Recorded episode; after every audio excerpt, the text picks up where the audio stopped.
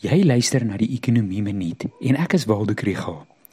Statistiek Suid-Afrika het gister die resultate van die arbeidsmagopname vir die 4de kwartaal van verlede jaar bekend gemaak.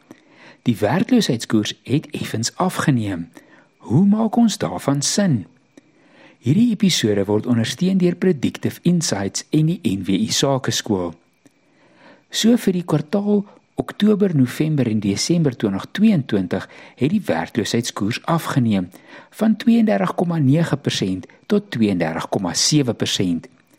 Die werkloosheidskoers volgens die breë definisie wat die ontmoedigde werkers insluit, is ook laer en staan op 42,6%. Ek dink daar is twee perspektiewe wat help om die syfers te laat sin maak. Een is dat die werkskepping toegeskryf word aan seisonale indiensname in die handelssektor oor die feesseisoen.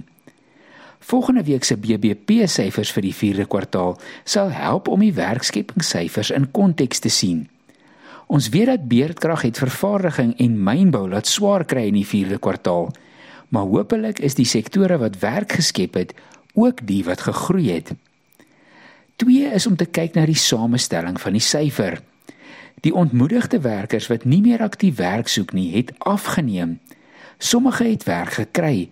Sommige het nie werk gekry nie, maar omdat hulle gesoek het, tel hulle nou weer as werkloos onder die eng definisie. En nog ander het die arbeidsmark heeltemal verlaat en tel nie meer as ekonomies aktief nie. Op hierdie manier kon die aantal mense wat in diens geneem is en die wat werkloos is, tergelykertyd toeneem. Die arbeidsmagdeelnamekoers en die absorpsiekoers het albei toegeneem en dit is positief. Met die klein verbetering in ag geneem, is Suid-Afrika se werkloosheidskoers steeds onvolhoubaar. Wie weet wat doen die meer as 13 miljoen mense wat nie ekonomies aktief is nie om te oorleef?